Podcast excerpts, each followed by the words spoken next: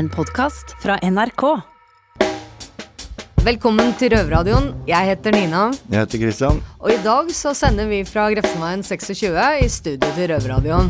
Og vi har jo ikke sett hverandre før, eh, Christian. Det har vi ikke. Selv om vi har liksom vært kollegaer i er det to år. Ja, til og med Ja. over to år, tror jeg. Ja, det er nok Ja. det. Ja, det er spesielt. Det um, jeg er på paragraf 12, og du er på frigang. Det er jeg. Det er første dagen min på frigang, til og med. Så det er uh, uh, grunn til å feire. Ja, ja. Så blir vi bare kasta rett inn i en sending. Ja, sinnssykt. Det er det. Det er absolutt. Og hva skal det handle om i dag, Christian? Overvåking. Det skal det. Fordi at dere der ute er jo vant til å bli overvåka, dere også nå for tida, vil jeg tro. Eh, hvor dere er på mobilen osv. osv. Ja. Men eh, vi innafor, vi blir faktisk overvåka enda litt mer, og vi skal dessuten høre eh, hvordan staten ja. Den norske staten bryter lover uten å vite det. Ja, Ja. For det gjør de. Det er litt rart. Og dessuten får vi høre om noen som blir litt ekstra overvåka, og ikke bare av kriminalomsorgen innafor murene. Ja. Så de som er innsatte og føler seg litt paranoide og kanskje føler at noen glor litt ekstra, kanskje de har rett? Det er godt mulig. Heng Ja. med, i alle fall. Innsatte i norske fengsler lager radio. Du hører Røverradioen i NRK P2. Ja, men Christian, hvorfor trengs det egentlig så mye overvåkning i fengsla? Det er jo for vår egen sikkerhet, så klart. Å, er det derfor, ja? Nei, det er jo ikke det. Jeg har tatt helt feil, ja. Jeg trodde det var for å sørge for at vi ikke gjorde noe mer gærent, ja. Men eh, det er godt å vite. Ja, ja, Da føler jeg meg trygg og ivaretatt, i alle fall. Ja, ja, jeg òg. Veldig. Veldig. Ja, ja. Det var det som skulle til, liksom. Ja, på prat om sikkerhet så finnes det jo to typer av dem eh, i fengsel. Det er det. Og, og det er noe som heter statisk sikkerhet og dynamisk sikkerhet. Den statiske sikkerheten, da. Mm. Det er sånn eh, vi blir ivaretatt per dags dato, med overvåkinga av kameraer, telefonavlytting, brev og besøks... Holdt jeg på å si brev, brevkontroll, i hvert fall. Ja. ja, mm. Sånne ting. Men eh, den dynamiske, da, er den menneskelige approachen, hvor eh, de ansatte faktisk tar seg tid til å lære de innsatte som mennesker å kjenne, sånn at de kan f.eks. avverge en situasjon før han oppstår, da. Sånn, For, ja. ja, sånn kort forklart, da, så kan vi si sånn at med statisk sikkerhet, så ser du når uhellet skjer. Altså når hendelsen skjer. Sant. Ja, eh, Med dynamisk, så da krever det at du har folk i miljøet, selvfølgelig. Så kan man avverge det før du ser det på kamera, da. Den muligheten finnes der, ja. Ja. Men dessverre så er det jo sånn at denne dynamiske saken, den koster jo naturligvis litt mer penger. Ja. Ja. ja. Og det blir jo vanskelig når det er avkutt på kriminalomsorgen hvert eneste år. Det vil jeg tro. Ja. I Norge så har vi et organ som har som oppgave å overvåke personvern til Norges befolkning, og um, det er Datatilsynet. Ja. Og da lurer jeg, er det skadelig å bli overvåka? Eller bare jævlig ubehagelig. Det er det i hvert fall. Men la oss ja. høre. Mitt navn er Susanne Lie. Jeg er jurist i offentlig seksjon i Datatilsynet. Og Datatilsynet har som oppgave å tilse at personvernregelverket etterleves. Personvernregelverket det springer ut av menneskerettighetene. Retten til privatliv er en grunnleggende menneskerettighet som er beskyttet både av Den europeiske menneskerettskonvensjonen og av Grunnloven her i Norge.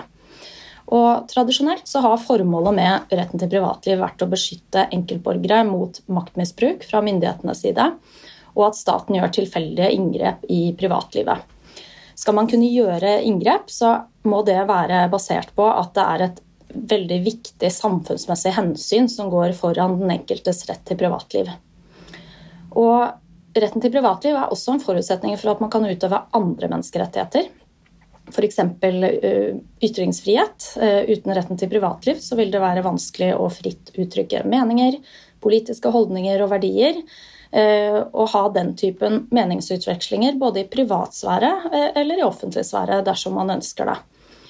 Og uten denne muligheten for eh, å kunne tenke og mene fritt, så ville heller ikke pressen kunne utføre sin viktige samfunnsoppgave, f.eks.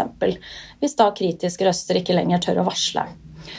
Og i tilfeller der hvor man føler seg overvåket eller blir overvåket, så vil man fort kunne bli skeptisk og begynne å holde tilbake meninger. Være skeptisk til hva du skriver og sier til andre mennesker. Og da ser man at eh, det resulterer i det vi kaller nedkjølingseffekten. Der hvor man blir mer og mer var for hva man faktisk uttrykker. Ikke bare offentlige, men også i andre eh, mellommenneskelige relasjoner. Og Derfor er det veldig viktig med personvern og privatliv, også i et fungerende demokratisk samfunn som vi lever i i dag. Ja, der hører vi, folkens. Det virker jo ikke som overvåkning er sunt for verken gud eller hvermann. Nei, nå har vi egentlig bare hørt hva folk på utsiden som ikke sitter i fengsel, øh, reagerer på overvåking, da. Mm, hvordan det påvirker dem, jo. Ja. Ah. Spørsmålet er da hvordan påvirker det oss? Jeg eh, syns jo absolutt det påvirker meg. Jeg har merka at kommunikasjonen min har endra seg. Jeg er ikke lenger åpen. Nei, det er jo ikke så rart når folk sitter og hører på samtalene dine. Nei, det er veldig vanskelig å være ekte og nær og Men du, du løser det ganske lett, da. Bare la være å ringe. Ja, Så, men ja. det er jo det jeg har gjort Ja, i lange ja, perioder. samme her også. Ja. Jeg tenker at det er jo ikke bra, det heller. Nei, det er ikke det. Heldigvis har vi permisjoner da, Christian. Ja, jo, takk Gud Vi for får det, liksom. kommunisere da. Men det er bare I noen tilfeller, da, for de som soner litt lenge, da, så går det jo ganske lang tid til du har permisjon. Det gjør det. Jeg tenker at det kan være greit å kunne ta en samtale hvor man kan snakke fra leveren og tømme seg litt. Det hadde vært det i den beste av verdener. Men eh, nå skal vi over til Oslo fengsel og høre fra røvera der, for det er ikke, nemlig, som de fleste tror, bare kriminalomsorgen som overvåker oss inne i fengsla. Det er det ikke. Nei, Da setter vi over til Oslo fengsel. det gjør vi. Visste du at man kan bli spannet på i fengsel også? Hei, mitt navn er Samuel, og jeg sitter her med Mo og Samuel. Yes. Jeg heter ikke Samuel, jeg heter Mali. Samuel og Samuel og Samuel. Jeg sitter her med Mo og Mali. Men hva mener, du med, hva mener du med at vi kan bli spana på mens vi sitter her? Tydeligvis så er det noe som heter infoflyt, da. Helt ærlig, jeg vet selv ikke hva infoflyt er, altså. Mo, har du noe informasjon om det her? Det er som du sier, du er spana på i jaileren. De skriver hver De kartlegger deg, og skriver, de skriver om en, det eneste steg Hver eneste steg som du tar, de skriver om du hoster i dag et par-tre ganger. De skriver ja, Mali har hostet tre ganger i dag. Men hva gjør de med informasjonen? Altså, de skal Formålet deres er jo å forhindre eh, rømnings, rømning og organisert kriminalitet, vold, terror. Det er sånn informasjonsflyt, da. Det er, hele, det, er det det går ut på. Og så blir da opplysningen sendt til Hernors eh, politiet. Så det er det det går ut på. Altså. Det er eh, spaning i fengselet, kan du si. Nei, jeg tenker at de bruker det Jeg har hørt mange som er på infoflyt, men jeg har aldri satt meg inn i det, ikke sant. Men vi leste litt om det i stad. Jeg ser ikke helt hva hensikten er når du allerede har tatt, du sitter i fengsel, og de skal drive og skrive. Det er nok med en kompis, jo. Det er nok at de skriver ting. Systemet, systemene deres. Ja, ja, at de skriver. Men dette her går videre til politiet, da. Så politiet finner ut at hva, hva du har gjort. Eksempel, ja, Samuel snakka med Mali den dagen der. Eh, De, vi overhørte at de prata om sånn, så skal da politiet finne ut av det. Eller Politiets sikkerhetstjeneste, hvis det er snakk om noe terror. Ja, terror, i hvert fall det, tenker jeg kanskje er litt forståelig. Ja. Fordi eh, la oss si de planlegger neste selvmordsaksjon eller hva enn det er, ikke sant. Ja. Da burde de egentlig forhindre det. Ja, ja, så klart. Men uh, hva skal til for at du skal være en deltaker? Må, kan du s liksom De sier det er sjanse for at du kommer til å gjøre bla, bla, bla, og de bare setter deg på infoflyt? Nei, de, det, er som Det er nødvendig hvis du er Hvis de skal ha deg i det. Infoflyt-systemet, så skal det være veldig viktig at Altså, det må være nødvendig, da. For å De skal ha deg der. Det er ikke bare hvem som helst som kan få det, egentlig. Men du får ikke liksom sånn der beskjed Du kommer hit Ja, du er på infoflytt. Nei. Det er liksom Du må nesten finne ut av det selv. Det er du, det jeg har du lagt kanskje merke merker det at de er på deg litt ekstra, og så yeah. snakker du med kanskje noen innsatte, og så sier de kanskje du er på infoflytt, og så du finner ut på egen hånd. Det er, det er sånn for det meste jeg har sett det, da. At det er ikke så mange som veit det. Ja, men eh, det er i hvert fall rart, da, at uh, Bauschen ikke gir seg Når man først er inne i fengsel, så skal den fortsette å Hva skal jeg si spane på folk, da. Jeg synes det, Hvis det er som han sa i stad, da, hvis det er sånn terrorister, så er det greit. Det er kanskje ja. nødvendig. Men eh, jeg har sett mange andre tilfeller der det er skal plutselig få inn på seg. Og det blir vanskeligere, da. Soninga blir jo vanskeligere for deg òg, når de skriver noe ting om deg konstant. Og puster deg i nakken hele tida. Og du føler deg så Hva skal jeg si uglesett, da. Mm. Skjønner du? Det er Jeg syns de burde vurdere det på nytt også. Ja, der blei jeg eh, litt flau, gitt. For det, det infoflyt eh, var et helt nytt begrep for meg etter å ha sittet i ti år, altså. Ti år i fengsel, Ja. ikke hørt om infoflyt? Nei. Nei. Ok. Nei, Men- det, jeg har hørt om det, men jeg har ikke vært på det. Men jeg veit jo hva det går ut på. Nei, og der ser du jo Det er jo tydeligvis ikke I hvert fall ikke kvinnefengsler, nå. Et så veldig brukt begrep. For hvis ikke så hadde jeg jo absolutt hørt om det. Mm, jo. Så det er Uten å nevne navn, så kan jeg vel tenke meg noen uh, kvinner som antagelig har vært på infoflyt, men um, Sannsynligvis er det nok sånn uh, selv der, ja. ingen nevnt, ingen glemt. Ja. Nei. Men eh, nå skal vi faktisk eh, over til telefonavlyttingen. For det er ikke bare vi innsatte som reagerer på, eh, på det. Det, Det er ikke. er ikke. Men jeg må jo si mm, Jeg satt jo sju år i Sverige, Mm. og der er det jo et annet telefoneringssystem. Altså der når du først har fått telef telefontillatelse til ikke-straffa osv., så videre, Mm. sånn som vi har besøkstillatelse i Norge, så blir du ikke overvåka i realtid. Det sitter ikke noe betjent og hører på telefonsamtalen din. Da kan du derimot ringe når og hvor du vil, så lenge du har råd til det, liksom. Og ikke var det så dyrt å ringe heller. Så, så, så jeg var vant til, da, å prate relativt greit, ikke sant. Og så kom jeg til Norge, og så blei hvert eneste ord veid på gullvekt. Jeg, jeg fikk helt bakoversveis, jeg, og jeg eh, slutta helt å ringe. Hadde ikke pandemien kommet, og disse iPadene kommet, så hadde min kommunikasjon vært helt nedstengt. Jeg hadde ikke meddelt meg til omverdenen overhodet, faktisk. Nei, iPaden åpna en litt sånn ny verden for oss eh, innsatte, da. Den gjorde det, og Ja. takk for det. Ja, Ja. veldig bra. Nesten- Aldri så gæren, så var det godt for noen den pesten, eh, liksom. Mm. Men nok om meg. Nå skal vi høre fra advokat Maria Hessen Jacobsen, som er i Bergen hos røverne der, Yes. og eh, kjemper vår sak Hun mot denne fighter, ja. Ja, mot denne avlyttingen. Yes. Um, velkommen til deg, Maria Hessen Jacobsen. Tusen takk. Du har jo vært her før. Um, da snakket vi om uh, dette med ulovlig kroppsvisitasjon. Ja. Og nå viser det seg at fengselet bryter loven igjen. Hva er det de har gjort nå? Eh, Nå er det Sivilombudet som har konstatert at den rutinemessige avlyttingen av innsatte sine eh, telefonsamtaler i hovedsak har eh, krenket Menneskerettskonvensjonen og Grunnloven. Ja, hvordan, altså, hvordan, er det, hvordan er det betjentene lytter på samtalen vår i dag? Altså, hva er det som er ulovlig her? Ja, per i dag så er det vel Altså, Sivilombudet har angrepet loven først og fremst, for den oppstiller ingen skranker. Ingen eh, eh, skranker for eh, måten det gjøres på. Så på samme måte som eh, visitasjoner, så åpner loven for at det skjer til enhver tid og på, i forhold til alle samtaler, u, uansett eh, den innsatte sine individuelle forhold, eller hvem innsatte snakker med. Eh, så åpner loven for å pålegge nærmest en systematisk avlytting av samtlige samtaler. Alltid. Men hvis vi ser det litt fra fengselets side, bør ikke de kunne ha muligheten til å lytte på samtaler, så de kan avdekke eventuelt nye kriminelle handlinger som planlegges? Jo, absolutt. På samme måte som fengselet bør ha tilgang til eh, å kroppsvisitere innsatte og eh, kontrollere celler eh, og gjøre det som skal til for å gjøre fengselet til et trygt sted å være. Det er jo også til de innsatte sin fordel. Problemet er når ikke det oppstilles noen som helst slags skranker for den eh, skjønnsutøvelsen eller den kontroll som skal utføres, verken på visitering eller på eh, telefonkontroll eller noen ting. Mm. Så det bør tas hensyn til om man snakker med mor, eller om man snakker med kompiser, tidligere straffedømte osv.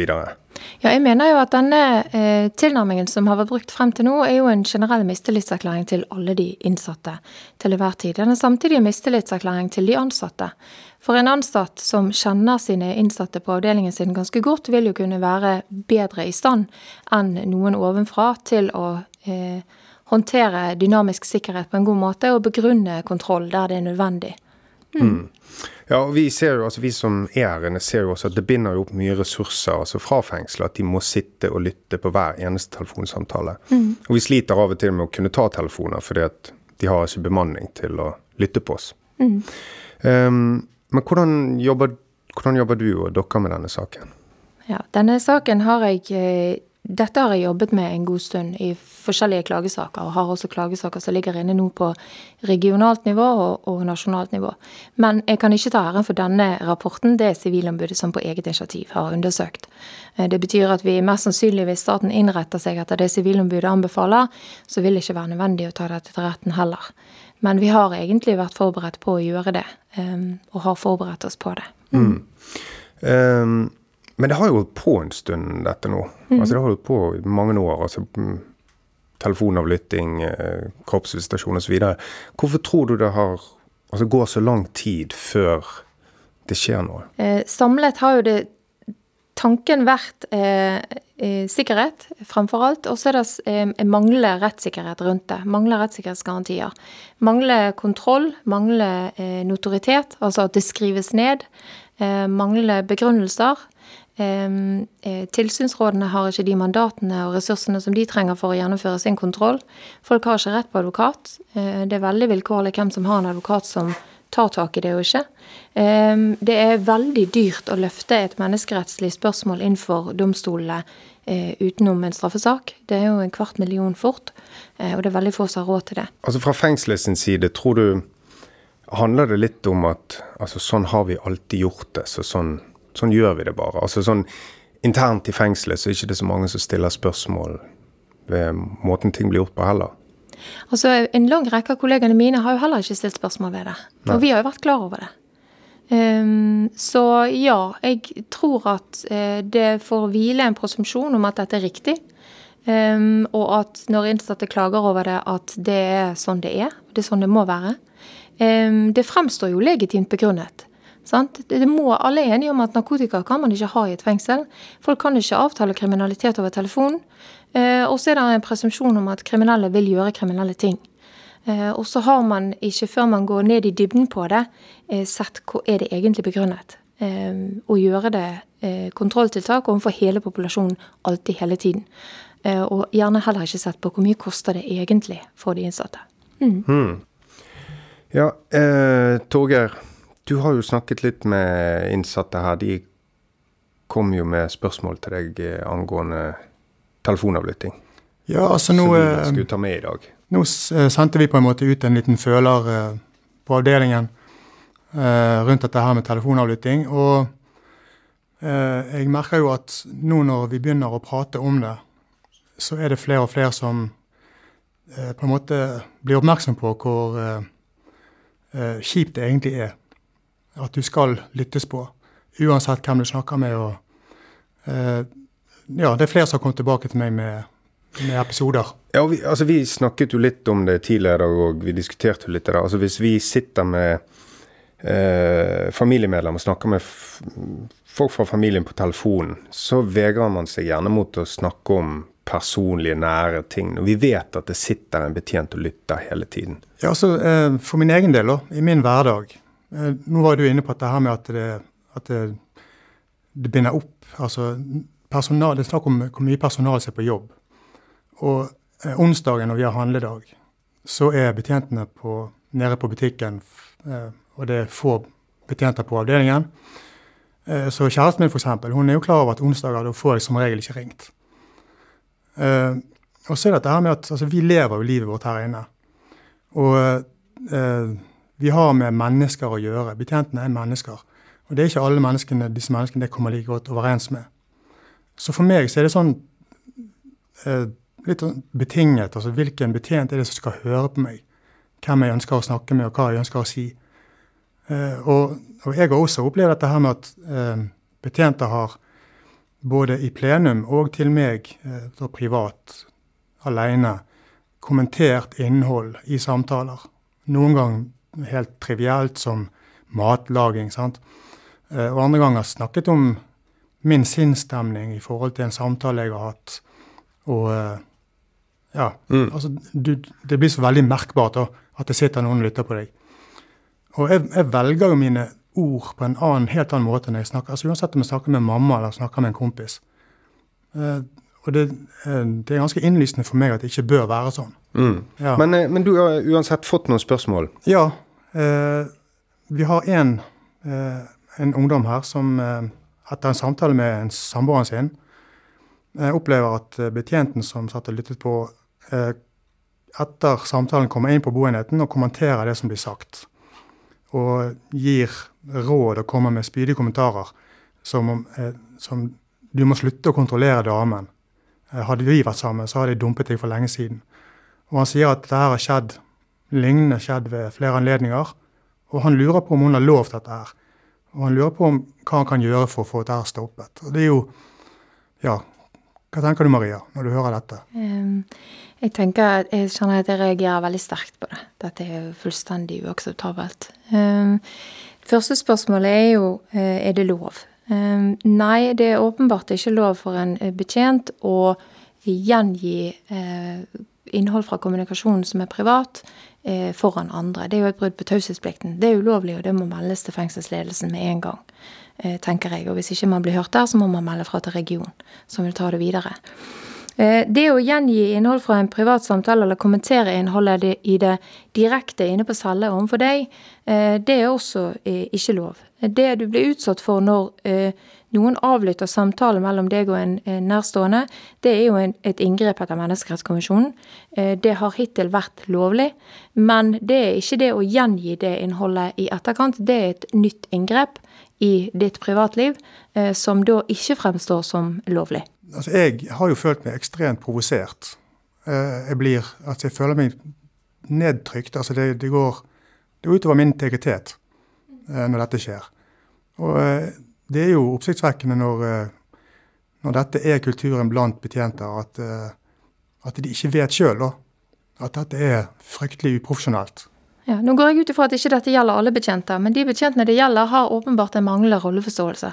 Eh, det mandatet de sitter og avlytter en samtale på, det er sikkerhet. Det er sikkerhet er utelukkende eh, og ingenting annet. Eh, private og personlige sensitive forhold har ingenting med, med, avlyttingen å gjøre. De er ikke der for å fange opp de forhold og kan ikke bruke det til noe som helst. Eh, hvis ikke det er liv, helse, sikkerhet, eh, så, så skal ikke opplysningene verken nedtegnes eller brukes til noe som helst formål.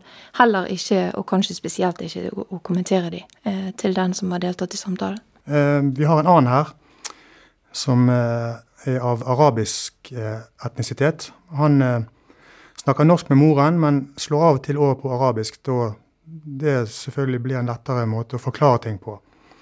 Og flere ganger så har betjenter som har, lyttet på, eh, brutt samtalen, altså bare stoppet den, eh, med begrunnelse i at det ikke skal snakkes på morsmål.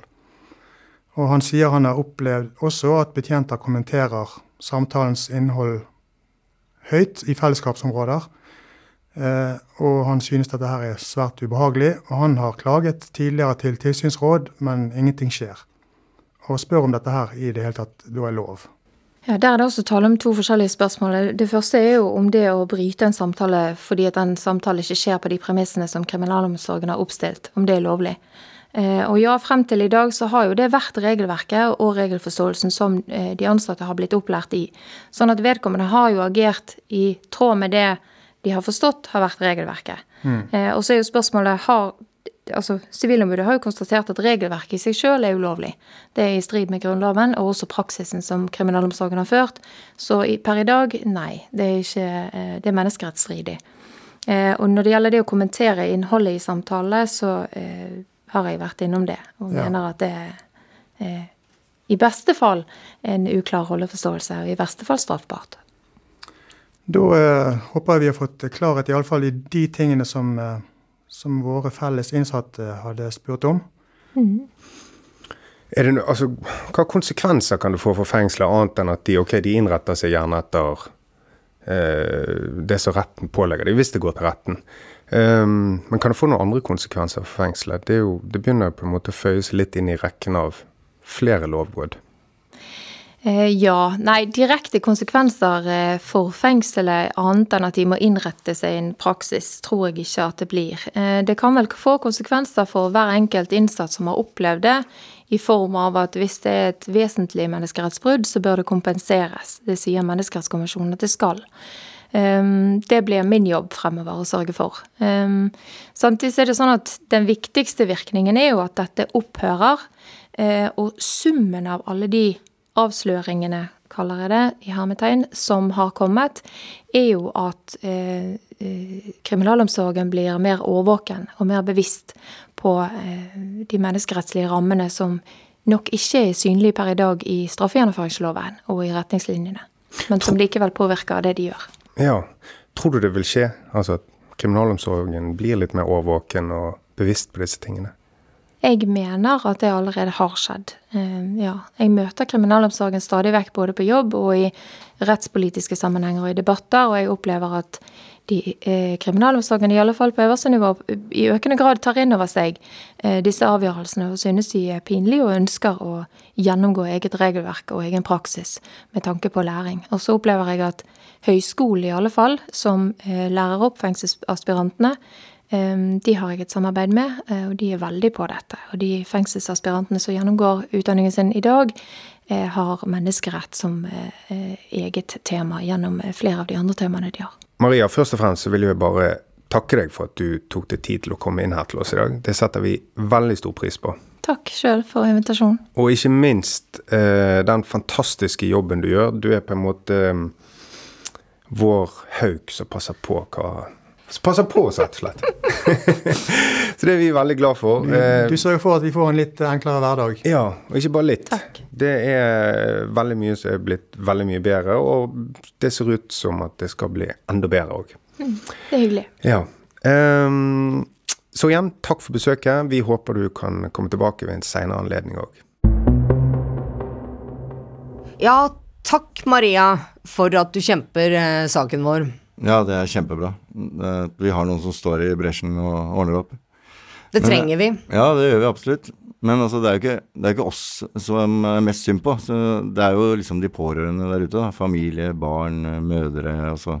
Det er mange som er i et forhold med en innsatt. Absolutt. Og, og det er liksom Det er ikke noe rehabilitering at man mister kontakt med familie og venner sånn generelt, da, av at man ikke kan snakke åpent og ærlig. og Det blir en sånn kunstig atmosfære rundt alle samtaler. da. Fordi Det blir vet- det. Og, ja. og dem har jo heller ikke brutt noen lover. Altså, dem blir jo bare utilsikta straffa for, Ja, ja. for, det vi har vært uh, dumme. Mhm. Men uh, det er jo sørgelig at det er Mhm. sånn. Og dessuten, de, det nettverket man har, er jo så viktig for eh, rehabiliteringa. Altså, det viser jo all forskning at uh, vi trenger alle de gode kontaktene vi kan ha i, i verden vår for å bli bra samfunnsborgere etter soning. Mm. Så ja, Den gode nabo, som du sier. E ikke sant? Ja. Jo. Så hvis noen pårørende hører på, hører på nå, da, pårørende hører på nå, så kanskje de har en forklaring på hvorfor en innsatt ikke ringer så mye, kanskje? Ja, eller hvorfor han høres så merkelig ut i forhold til hvordan de er vant til å høre oss. Helt riktig. Ja. Mm. Men eh, nå er denne unike samkjøringssendinga vår over for i dag, Christian. Ja, det er den. Eh, Men eh, når hører du oss igjen? Det er på NRK P2 eh, på søndager klokken 20.30. Eller, Eller podkast? når og hvor du vil. Ja, hvis du ikke er i fengsel. Naturligvis, det Ja. også. Røverradioen har tatt kontakt med Bergen fengsel eh, angående påstandene rettet mot deres betjenter under intervjuet med Maria Hessen Jacobsen, og de sier følgende. Informasjon som ansatte tilegnes gjennom telefonavlytting er taushetsbelagt. Dersom det gjelder kunnskap for å forhindre straffbare handlinger, kan ansatte ta dette videre. Dersom innsatte føler at personlig informasjon blir viderefortalt av ansatte, er dette sterkt beklagelig. Jeg oppfordrer innsatte til å melde dette videre til avdelingsledelsen. Alle samtaler skal føres på et språk den ansatte behersker. Dersom det skal snakkes på morsmål der samtalen spilles inn, må den innsatte få klarert samtalen i forkant av avdelingsleder. Ansatte er pålagt å gi advarsel og eller avbryte samtalen om innsatte snakker på et språk ansatte ikke behersker. Røverradioen er laga for og av innsatte i norske fengsel. Tilrettelagt for streitinga av Klynge for NRK. Og redaktør i NRK er Ole Jan Larsen. Du har hørt en podkast fra NRK. Hør flere podkaster og din NRK-kanal i appen NRK Radio.